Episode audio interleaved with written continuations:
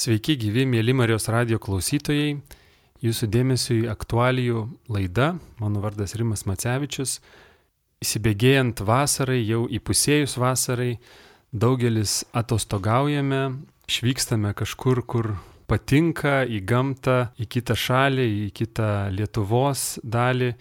Apie tai ir pakalbėsime, apie atostogas, jų reikšmę, kaip ir ar joms verta nusiteikti bei ruoštis, kaip jas praleisti, kad grįžtume pailsėję, atgavę dvasios ir kūno jėgas.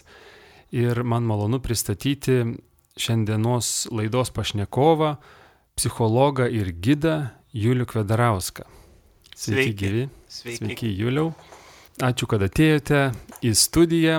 Jūs turite patirties vesti ekskursijas netikėtose galbūt vietose, įdomiose vietose, apie tai taip pat galėsite pats papasakoti, bet taip pat ir susijęte tas ekskursijas su žmonių psichologija, žmonių gyvenimais, kad iš tų ekskursijų, tų veiklų, kur vykstame per atostogas, galėtume kažką suprasti, kažką pasisemti. Ar teisingai aš sakau, ar turite tokių siekių? E, taip, tokias ekskursijas organizuoju ir na, vienas iš tų siekių ir galbūt buvo tiesiog suderinti savo profesiją, kurią aš įgyjau ir pagal kurią daug metų dirbau, tai psichologo, psichoterapinį darbą su tokiu gal jau vidutiniam amžiui atrastu pomėgiu o gal tiesiog realizuota kažkokia sena svajone tapti gidu, keliauti, o galbūt tiesiog taip gelbėtis iš kažkokios atsiradusios tos e, rutinos sėdėjimo kabinete ir klausimo žmonių bėdų. Tai va, suderinau ir man atrodo visai neblogai pavyko, kad galima keliaujant e, po miestą, po gamtą irgi ir bendrauti su žmonėm, ir jų išklausyti, ir jiems kažką pasakyti, perduoti, ką aš jau esu per savo darbo praktiką patyręs, išmokęs, supratęs. Turbūt buvo svarbu tiek man, bet ir tiek tam tikrai grupiai žmonių, kuriem irgi galbūt nelabai yra primtinas tas formatas eiti pas psichoterapeutą ir, ir būtent tarp keturių sienų tet a tet kalbėtis, pasakotis savo problemas. Tiesiog tokių yra natūrų, kurios vat, labiau, joms labiau reikia judėti, matyti kažką ir galbūt atsispiriant į tai ir, ir prisiliesti prie savo vidinio pasaulio. Su jumis esame kalbėję laidoje apie terapinės ekskursijas. Toks įdomus netgi pavadinimas Aišku, ekskursijos, e, vietų lankymas e, nebūtinai būna per atostogą, žmonės įvairiai jas e, savo organizuoja, galbūt nori nieko neveikti, tiesiog gulėti, įvairus tas poilsis, bet atostogų reikšmė, kaip jūs ją apibrieštumėt, kokia jinai yra, kodėl atostogos svarbios. Atostogos visų pirma, tai man kalba apie gyvenimo paivairinimą. Nes e, vienas iš sveikatos apibūdinimų kaip tik ir yra, kad tai ne, ne lygos nebuvimas, bet e, gyvenimo įvairovė ir gyvenimo pilnatvė. Ir žmogus e, yra tikrai daug, ypač užsieniečiai, senukai, jie mėgsta keliauti, turėdami daug lygų, rytais per pusryčius išgerdami 10 tablečių nuo, nuo visų lygų ir jie turbūt jaučia, kad tų lygų neišgydys, bet kelionė jiems e, įneš įvairovės, pilnatvės ir būna atvirkščiai, kad žmogus atrodo visiškai sveikas, bet jisai, jisai nesidžiaugia gyvenimu, jam nuobodu ir, ir nemato prasmės.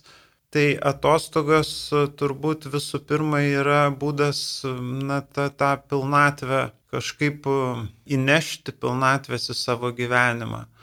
Todėl to, tos atostogos labai įvairios gali būti ir jos atostogos atostogom nelygios. Tai turbūt žmogus, kuris nuolatos dirba fizinį darbą ir yra tiesiog fiziškai labai pavargęs, jam svarbu kažkur nuskristi, nuvažiuoti, kur viskas įskaičiuota ir pagulėti pleže kažkokios tos atsvaros kompensuoti, ko jam trūko gyvenime.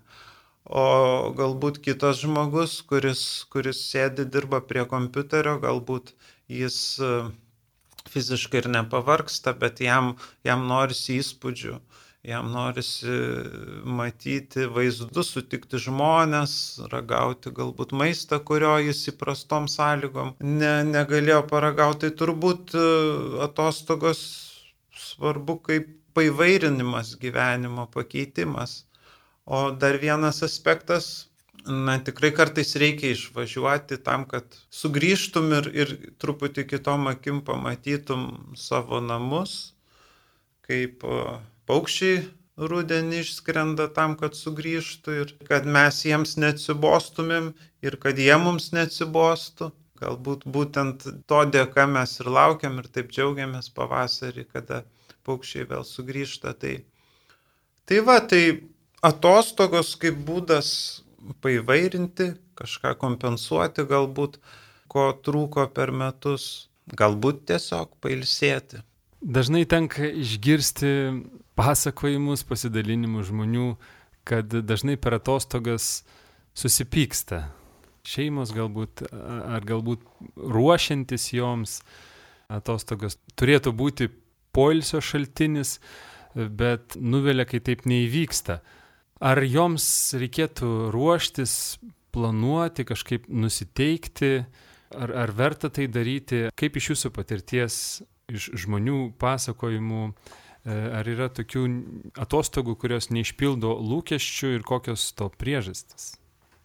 Tikrai turbūt e, kiekvienas tokių patirčių paieškoja rastumėm ir, ir, ir aš iš savo asmeninės patirties ir iš pažįstamų esu girdėjęs, kad žmonės planuoja, daug vilčių deda, nuvažiuoja ir susipyksta. Vienas bičiulis sako, Tai blin, aš visus metus dirbau, kad ten nuvežtų žmoną į gražią kažkokią vietą. Prie jūros ant skardžio atvažiavom, prisėdom kaviniai ir jinai sako, nu va gerai, dabar puikia vieta, pakalbėsim apie reikalus ir kuom tu mane skaudinai ir kiek aš turiu nuoskaudų. Tai turbūt, nu kaip čia negali nei to, nei to kaltinti, jinai galbūt tikėjosi, kad jinai išsi, išsisakys nuoskaudas ir prasidės jų, jų geras laikas kartu. O jisai turbūt e, tikėjosi, kad ta aplinka ir ta galbūt jo dovana jau bus geras emocijų pliūpsnis žmonai. Tai va toks turbūt nesusi, nes skirtumai čia turbūt yra žmonių ir lyčių ir turbūt baigėsi nusivylimu, nes ir, ir gal jinai liko neišklausyta ir jisai su, su, sugadinta nuotaika. Tai turbūt svarbu ruoštis atostogom ir, ir ne tik, aišku, visada yra pagunda ruoštis e, internete, e, ieškoti svajonių ten to, to kampelio šalies, patogiai susiplanuoti kelionę, nusipirkti bilietus. Dabar turbūt galima apskritai beveik valandų tikslumu susidėlioti kelionę tiksliai su, su viešbučiai, su žemėlapiais.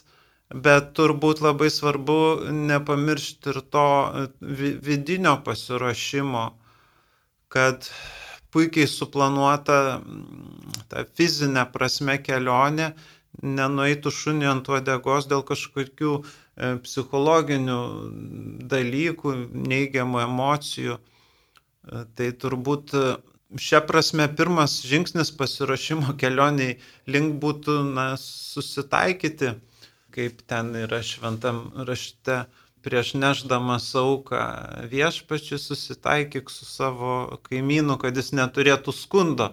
Tai jeigu, jeigu keliauji ne vienas, turbūt susitaikyk su savo bendrakeleiviais, susitaikyk su, tuo, su tais žmonėm, kuriuos tu palieki, kad ne, neliktų kažkokių kalčių išvažiavus. Jeigu keliauji vienas, irgi turbūt susitaikyk su, su Dievu visų pirma, kad tau būtų rami sąžinė ir, ir kad galėtum priimti tuos įspūdžius, o negalvoti ir nepervirškinėti ten kažkokių paliktų dar problemų. Tai šitas pasiruošimas, jis aišku yra sunkesnis ir galbūt mes jo vengiame, lengviau prie kompiuterio prisėsti ir, ir ten kažkokius gražius vaizdus žiūrėti ir pradėti svajoti, bet nu, tas yra tikrai svarbu ir turbūt kiekvienas tokių patirčių turim, kai nuvažiuoji kažkur, atsiduri gražioje vietoje, jūra ir kai viduje neramu ir tas supranti, kad čia reiktų džiaugtis, čia iš tikrųjų yra labai, labai gražu, labai spūdinga, bet tau vidiniai kažkokie dalykai trukdo tą, tą daryti. Ir e, kita vertus turbūt yra ir tokių patirčių, kai tu, tu susitaikai, tu atsiprašai, tu atleidi ir eini per tą patį savo miestą, per tas pačias įprastas vietas ir tu matai, nu, va, Marcelio Prusto atrodo yra žodžiai, kad laimė yra ne naujų žemių pamatymė, bet e, naujų akių turėjime. Ir tu eini ir tu va, žvelgi į tą savo gatvelę lik naujomis akimis ir, ir pasijunti lik turistas atvykęs į savo miestą ir matantis viską naujai. Tai turbūt svarbus tas pasiruošimas, nusiteikimas, kad tie nauji įspūdžiai, vaizdai, patirtis, jie kažkaip skambėtų tavo sieloje ir, ir tau teiktų džiaugsmą. Jūs e, vedate ekskursijas po pelkę, po pelkės. Kaip kilo mintis E, organizuoti tokius dalykus? Mane labai nustebino, e, kai prieš keletą metų, kai pradėjau, lankiau gidų kursus ir buvo geografijos paskaitų ciklas ir dėstytojas sakė, kad na va dabar pakalbėsime apie pelkes, iš tikrųjų pelkių daug Lietuvoje ir daug būtent saugomų teritorijų yra pelkės ir kad pelkė yra šventa vieta gamtoje, kurios dėka gamta išsivalo, kaip dažnai pelkė vadinama gamtos inkstais arba kepenimis. Ir tai man buvo toks netikėtas, nuostabus atradimas, nes aš psichoterapijai pradirbęs psichiatrijoje 15 metų tikrai ne vieną kartą sugirdėjęs žmonės sakant, oi, vėl atsidūriau pelkėje ir vėl įklimpau į savo depresiją, į savo uh, problemas. Ir man tada kilo toks, nu, jau aišku, anksčiau vis tiek pagalvojau, ką lyga žmogui duoda, kad yra ne tik tai neigiamas, bet lyga dažnai žmonėm irgi nuo kažko apsaugo, kažką apvalo. Tai kad, vat, mūsų depresijos, mūsų, mūsų tos vidinės pelkės jos irgi gali būti mums labai reikalingos. E, nu, kas yra pelkė, turbūt pagrindinis apibūdinimas tai yra vieta, kur daug labai vandens, perteklius, trūksta tam vandenį deguonės, trūksta mineralinių medžiagų ir viskas skurdu, viskas vyksta labai lietai. Pušaitė kuriai 70 metų ir kur miške mes matom jau, jau didžiulės senos pušis, jinai per 70 metų užauga turbūt e, pusantro, du metrus ir atrodo kaip visiškai na, mažas vaikas. Tas turbūt toks skurdumas, lietumas, neproduktivumas gamtos, jis, e, nu, jis gazdina jis kaip ir, ir, ir mūsų gyvenime, nu, dažnai žmonės, kai išgyvena tokius etapus, tai kreipiasi į psichiatrą ir jam išrašo kažkokį antidepresantą, kad jis galėtų normaliai dirbti, kad jis galėtų būti produktyvus, pasiekti tam tikrą rezultatą. Bet galbūt gyvenime kartais reikia ir, ir, ir, ir pabūti tose pelkėse, ir pabūti neproduktyviu, ir, ir lietai dirbančiu, ir, ir lietai galbūt mąstančiu. Ir mane nustebino, kad kai pradėjau renkti šias ekskursijas, tikrai buvo didelis žmonių susidomėjimas ir iki šiol, jeigu dar pridėti truputį marketingo ir, ir žmonėm siūlyti į čepkelius, nes čepkeliai yra kažkokia turi aurą, nežinau, turbūt pats pavadinimas, tai visi klausinėja, kada, kada vėl į tuos čepkelius važiuosim. skamba labai, skamba žmonėms pelkė, nori nuvažiuoti į pelkę ir galbūt tai kažkiek atspindi tą vidinį poreikį su, susilėtinti savo gyvenimą, nes e, tempas, pripažinkim, yra e, didelis ir tikrai viena iš teigiamybių, ne, nu, aišku, nepaisant visų, visų skaudžių patirčių ir netekčių, bet e, mūsų, mūsų pandemijos teigiamybių, kad sulėtėjo gyvenimas ir daug, daug žmonių sako, kad vis dėlto yra ir teigiamų pusių, kad daugiau atradau savo apylinkės, ne, nebe tie, tie žmonės, kur skraidydavo į mėnesį po kelis kartus, jie, jie pradėjo atrasti, kas yra jų aplinkoje arčiau, lėčiau, gal ėmė daugiau skaityti, daugiau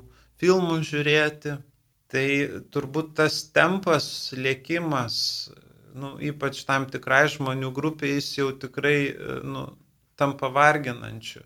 Ir jie ilgisi tos galimybės sauliaisti pabūti kažkokiai pelkiai, neskubant, lietai, gal ten mažiau tų įspūdžių, bet kita vertus ta monotonija pelkės jinai irgi savotiškai žavi ir, ir, ir toj monotonijoje atrandi grožį ir supranti, kad ir, ir gyvenimo monotonijoje, rutinoje galima, galima atrasti daug gražių dalykų.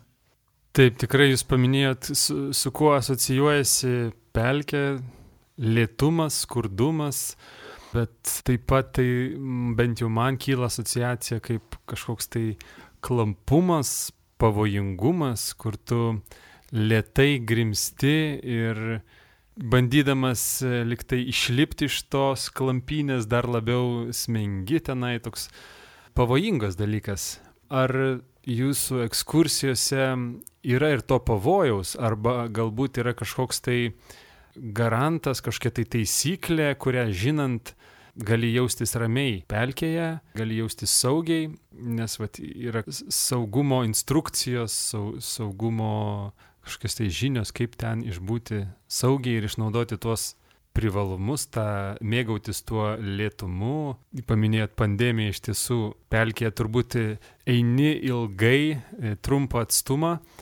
Tai man pačiam teko būti savizolacijoje porą kartų, bet e, su galimybė vaikščioti vieno kilometro spinduliu aplink namus. Tai iš tiesų labai daug takelių radau, nematytų ir niekada neišvaikščiotų ir tikrai visai įspūdingų vietų vieno kilometro spinduliu nuo namų. Tai kaip tuo mėgautis, tuo lietu ir trumpu atstumu be pavojų?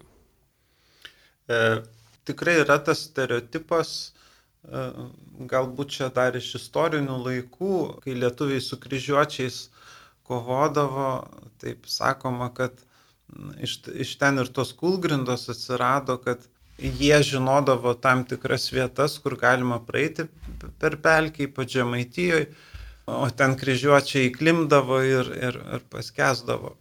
Tai realiai turbūt tose pelkėse šiandieninėse, kurias mes lankom, jos irgi yra labai vairios, yra nuo, nuo tokių, kaip čia prie Vilnius yra Varnikų pažintinis takas, ten Tony Resort yra irgi tokie padaryti pažintiniai takai, kur tiesiog tu gali dar saugiau negu Vilniaus gal senamesti kažkur koja išsisuksi į, į, į duobę idėjas netyčia.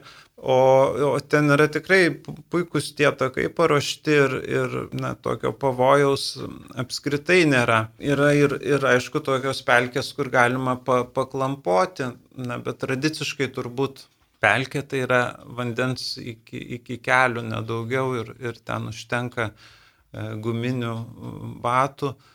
Žinau, kad organizuoja kiti tas tokias komandinės įvairias patirtis, kur ten po dumblą iki vos ne iki kaklo ir ten reikia kažkaip kapstytis, tai tokių galima irgi susirasti, bet tai nėra pelkės, turbūt, kaip čia pasakyti, pagrindinis požymis, e, tas, tas pavojingumas. Pelkė galbūt gali būti daugiau pavojinga tuo, kad jinai tikrai monotoniška ir jeigu tu neturi ten navigacijos priemonių, nesiorientuoji, tiesiog nu, atsidursi vidury pelkės ir, ir nežinosi, kurią pusę eiti, nes visur bus vienodos pušaitės, vienodi spangolynai, tai galbūt didesnis pavojus pasiklysti. Ir e, kaip, kad, kad tai neįvyktų, tai čia irgi tokie yra jau dabar, irgi galima sakyti, simboliai tapę žodžiai kaip kulgrinda. Dirbau daug metų psichiatrijos ligoniniai ir ten e, tų, tų žmonių, kurie daug metų serga, jie turi savo organizaciją, kuri vadinasi Kulgrinda ir ilgai e, nesupras, nu tiesiog nesusimastai apie tą žodį, ką jisai reiškia, bet kulgrinda tai yra saugus takas per pelkę, čia žemai, žemaičių kūlis ir grindinys ir, ir darydavo tos takus vėlgi, kad apsisaugoti nuo priešų, kurie jų nežinodavo, vietiniai žinodavo. Tai va apie tas kulgrindas irgi yra keliaujant per pelkę vieta ir laikas pamastyti, kas, kas tos kūgrindos mano gyvenime ir mano gyvenimo pelkėse. Ir atsispiriant į šitą pavyzdį apie psichikos nu, var, vartotojais, dabar tie žmonės vadinami, jų organizacija turbūt tai yra e, kitas žmogus, kitas žmogus, kuris turi panašių bėdų, kuris uh, žino, ką tai reiškia sirgti depresiją ar šizofreniją ir jisai mane turbūt labiausiai gali suprasti, perėjęs pats per, per tas pelkes ir taip pat mes mm, irgi galim būti vienas kitam tie, tie akmenys. Kita vertus, aišku, sergant, na, reikalingas gydytojas, tu pats savo negali pasiskirti vaistų gali truputį galbūt paskui jau orientuotis, kurie vaistai man padeda, kokių prašyti, kiek prašyti, bet reikia žmogaus, kuris, kuris tau padėtų keliauti. Tai mm, kažkoks vedlys svarbus keliaujant per pelkes. Gal tai bus ar dvasios vadovas, ar, ar geras draugas, ar bičiulis, ar mokytojas. Netaip svarbu, bet kad, kad jaustis nusaugiai kad jeigu ką aš jausios, kad aš klimstu ten tuose išgyvenimuose, patirtyse, kad jisai galėtų man ranką paduoti. Kita vertus, turbūt ne, nereikia ir per ilgai užsibūti pelkėse ir, ir per daug mėgautis. E, ir tokia man irgi graži vieta pelkė yra pievos. Visose pelkėse būdavo uh, ypač didelėse žmonės padaro tam tikras teritorijas, kur galėtų ganyti gyvulius ir tas teritorijas prižiūri. Tai turbūt tų, tų pievų savo gyvenimo pelkės irgi būtinai reikia turėti kažkokių gal dirbtinų vietų, dirbtinų malonumų, dirbtinų atostogų. Galbūt kartais tiesiog, žinau, yra žmonių, kurie sako, aš galiu gyventi pakankamai nu, natūralų gyvenimą ir, ir toj rutinoje atrasti daug džiaugsmo, bet kartą ar du į metus man reikia kažkur nuvažiuoti savaitį, kur viskas įskaičiuota, kur man nereikia nieko daryti, e, vat, kur tiesiog galiu pagulėti. Tai vat, e, tokia, tokia pieva reikalinga kartais gyvenime, kur, kur tau dirbtinai sukurta, bet e, teikianti malonumą, atgaivą, tai galima pagalvoti, kas tos pievos mūsų gyvenime. Galbūt tai irgi yra dažnai su žmonėmis susiję. Žmogus kaip pieva, šalia kurio man, man smagu, aš pailsiu ir tada pailsės galiu vėl toliau leistis į kelionę. Mėly Marijos radio klausytojai, šiandien laidoje su psichologu ir gidu Juliumi Kvedarausku kalbam apie atostogas ir apie ypatingas e, ekskursijas po pelkes, kurias Julius veda, organizuoja. Tose pelkėse, tose ekskursijose žmonės gauna laiškus. Nuo ko tie laiškai yra? Tie laiškai tai yra, e, gali būti patys įvairiausi. Man pirmas e, toks impulsas buvo, tai čia, kai po senamesti organizavau, pradėjau organizuoti, na tiesiog, kad išvengti to tokio sauso informacijos perteikimo su datomis ar, ar ten kažkokiais gyvenimo faktais, man kilo mintis pa, pakalbinti tuos istorinius žmonės, ką jie, tarkim, pasakytų mum, ką jis galėtų, norėtų, vat, praei, pasakyti žmogui gyvenančiam jau praėjus galbūt šimtą metų po jo, kad ta ekskursija ir tas žmogus, nu jis kaž, kažkuom būtų mum naudingas, kad tai ne, ne informacija dėl informacijos, bet kažkas liktų. Ir taip atsirado tie laiškai, o laiškai, žinoma, yra tokia, nu, kaip forma kažką pasakyti trumpai ir iš esmės. Laiškose dažniausiai vis tiek nedaugia žodžiaujam, o, o kalbam pakankamai atvirai, pakankamai širdies, tai, tai, tai kas mums svarbu.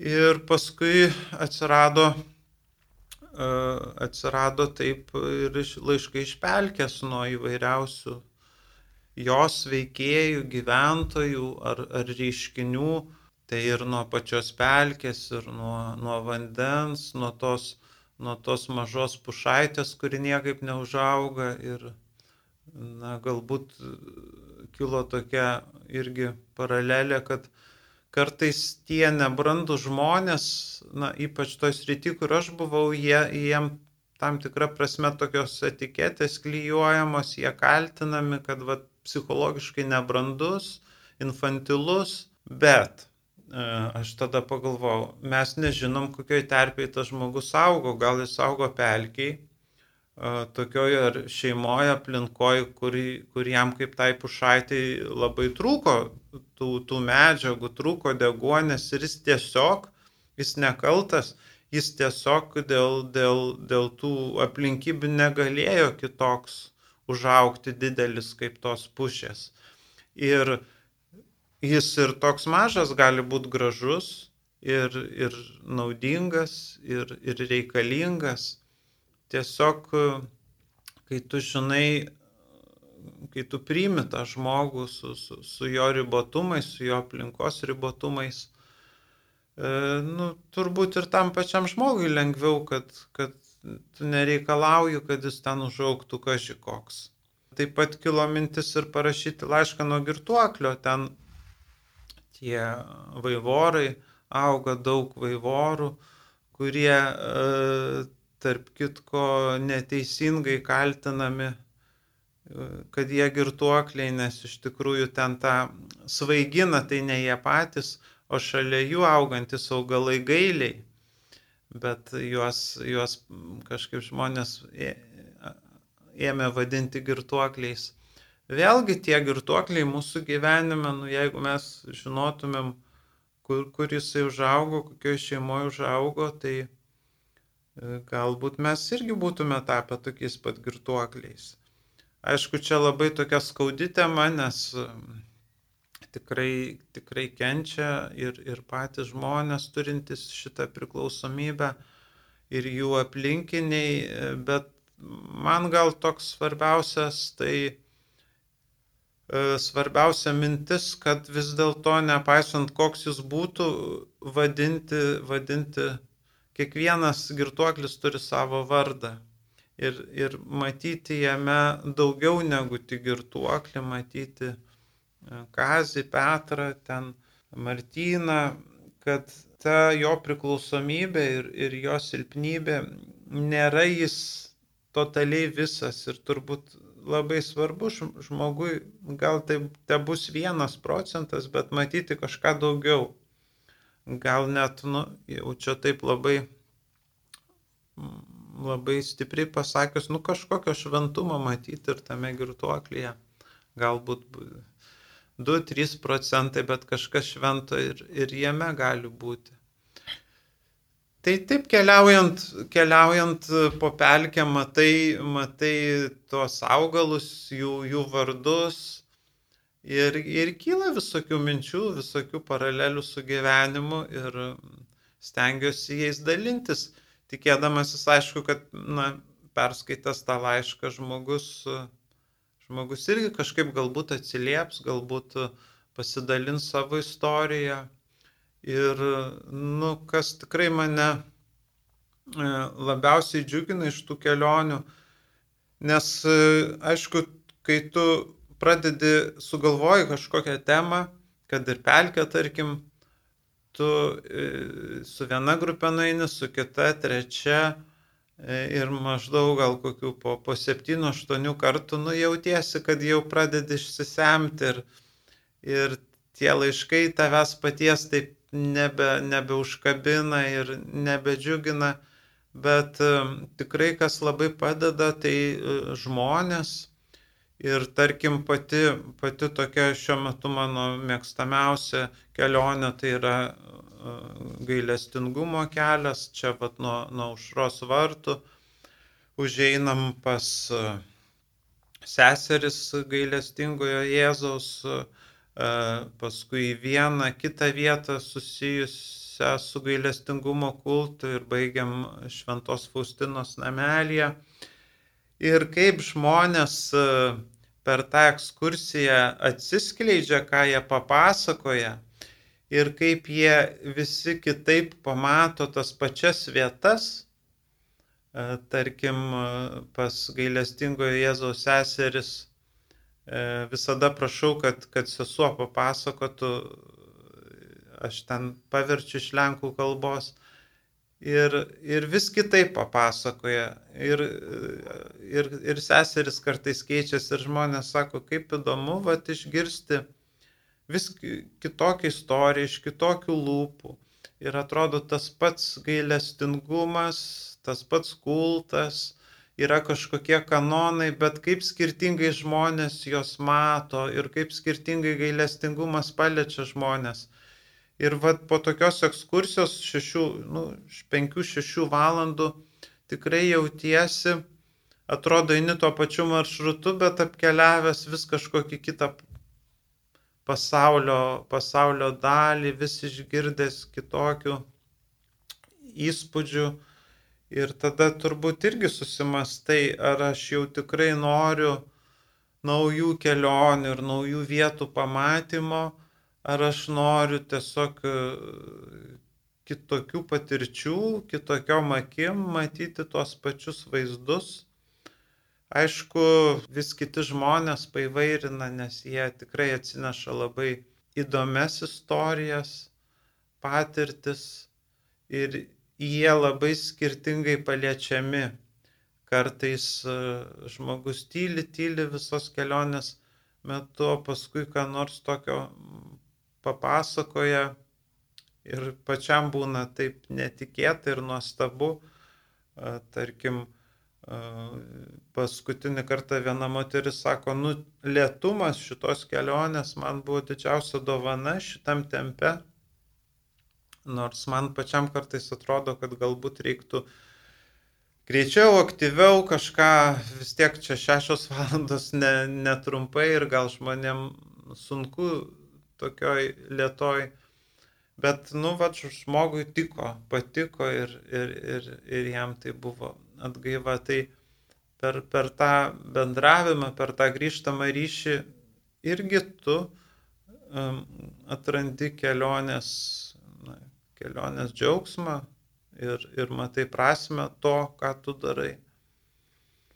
Jums bekalbant apie ekskursijas kelionės pelkėje prisiminiau savo vieną apsilankymą joje, taip pat ten buvo su vedliais, bet kas, kas nustebino įsivaizdavimas pelkės ir kokie iš tiesų buvo, ten buvo tokia pelkė, kur tiesiog plaukioja vėlėna, po ją ežeras vanduo, jeigu jinai pratrūksta, tu tiesiog pasineriai tą vandenį ir gali su alkūnėmis remtis į vėlėną, tai žodžiu, visai netai buvau įsivaizdavęs pelkę, bet kas dar labai įdomu buvo, kad prieš tai reikėjo susirišti su kitais žmonėmis virve ties juosmeniu, po keletą žmonių į tokią e, žmonių eilę, tam, kad e, einant pelkėje galėtų vienas kitą ištraukti, jeigu kažkam pratrūko tą vėlieną ir nespėjo atsiremti į ją alkūnėmis, kad kitas galėtų tą virvę patraukti, žodžiu, labai svarbi ta grupė ir be jos vienas nepamatytum tos pelkės gilumos, iki tiek nenueitum. Tai kaip jūs e, siūlytumėte rinktis arba vertinti, priimti kelionių draugus, žmonės, su kuriais e, kažkas vyksta atostogauti ar, ar renkasi kompaniją, trumpai tariant. E, vėlgi, renkantis kelionę, turbūt labai svarbu pasiruošti, ta prasme, tokius namų darbus atlikti, kad savęs paklausti savo vidaus, kokiu formatu aš noriu keliauti, ar aš noriu, ar man šiam gyvenimo etape norisi vienam daugiau keliauti, ar grupiai su žmonėmis aš turbūt esu daugiau individualistas ir, ir esu turėjęs tokių sunkių grup, grupinių patirčių, kai pasigaili, kodėl aš čia išvažiavau, nes vis tiek tu patenki į tam tikrą masę, nu, grupė irgi turi savo, savo tą klimatą ir tu turi jame pakankamai gerai jaustis, bet tikrai grupės, gru, grupių kelionės turi daug savo šarmo ir su, sugrįžtant prie pelkių turbūt aš pats, kadangi pradirbau daug metų bendruomeniai terapiniai, tai yra tam tikrų gyvenimo kelionės taškų ir tų tikrų kelioninių tokių vietų, kur vienam tikrai būtų per daug pavojinga ir per daug sunku. Ir tikrai nerekomenduočiau tarkim, keliauti, nu, vat, toj pelkiai kaip jūs ir pats nenorėčiau, kur, kur gali po vėlieną, nu, jinai tave laiko, bet tu vis tiek nežinai, ar atlaikys ar ne, ypač jeigu nesi ten gamtininkas ir dažnai keliaujantis. Tai, o, o kiti žmonės ir tas susirišimas e, virve, jis, jis tau teikia saugumą, kurio, kurio tikrai kartais reikia keliaujant ten per depresijas visokias gyvenimo, kai, kai tu vienas tikrai gali kažkur paskęs savo, savo mintise, savo emocijose.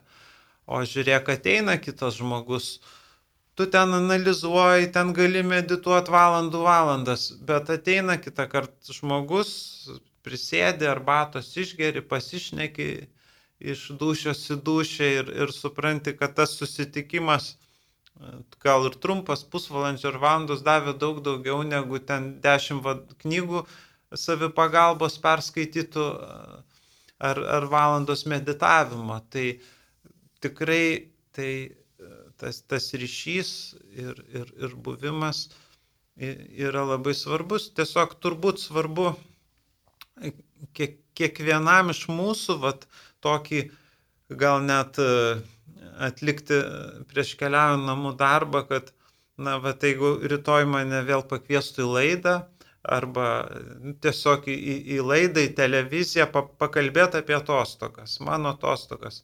Nu, vat, ką aš kalbėčiau, kokios, kokiu aš atostogų norėčiau, e, nes aš e, prieš čia ateidamas irgi galvoju, nu, vis tiek galvoji, ką, ką, ką pakalbėti apie atostogas ir apie, apie save galvoji, kokios mano atostogos.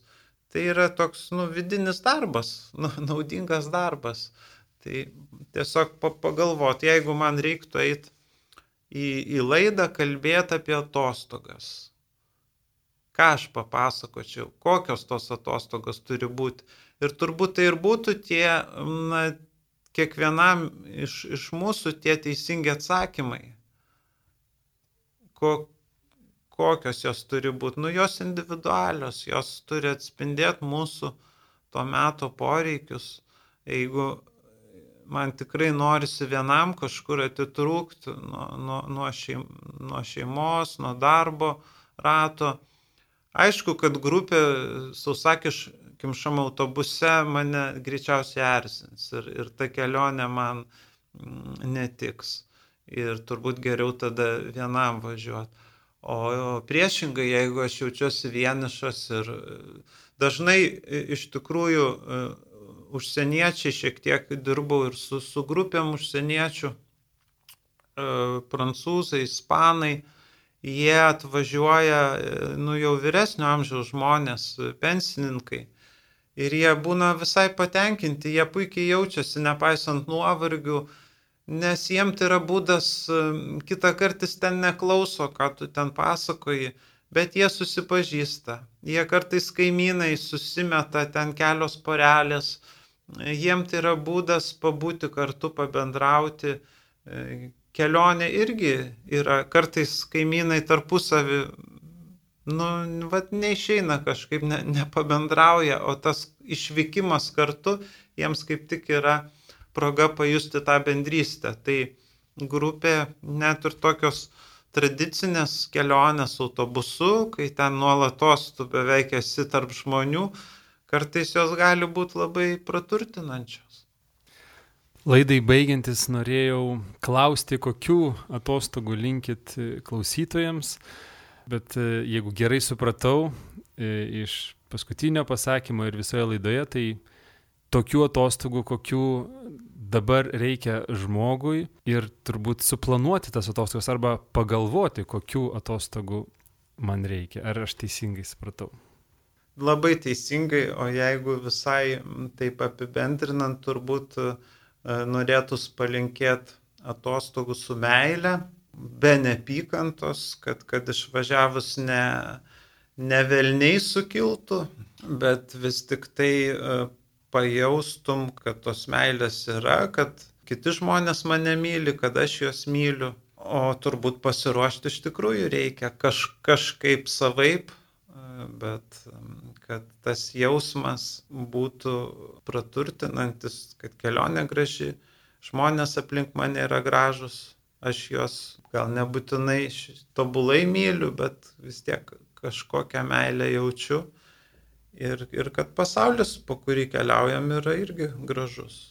Mėly klausytojai, šiandien laidoje apie atostogas, apie keliones su psichologu Gidu Juliumi Kvadrausku kalbėjomės. Ačiū Jums, Juliau, už pokalbį apie ekskursijas pelkėje ir psichologinės pelkės. Ačiū ir Jums, mėly Marijos radio klausytojai, už dėmesį, už tai, kad klausėtės. E, tai buvo aktualijų laida. Likite ir toliau su Marijos radiju. Sudie.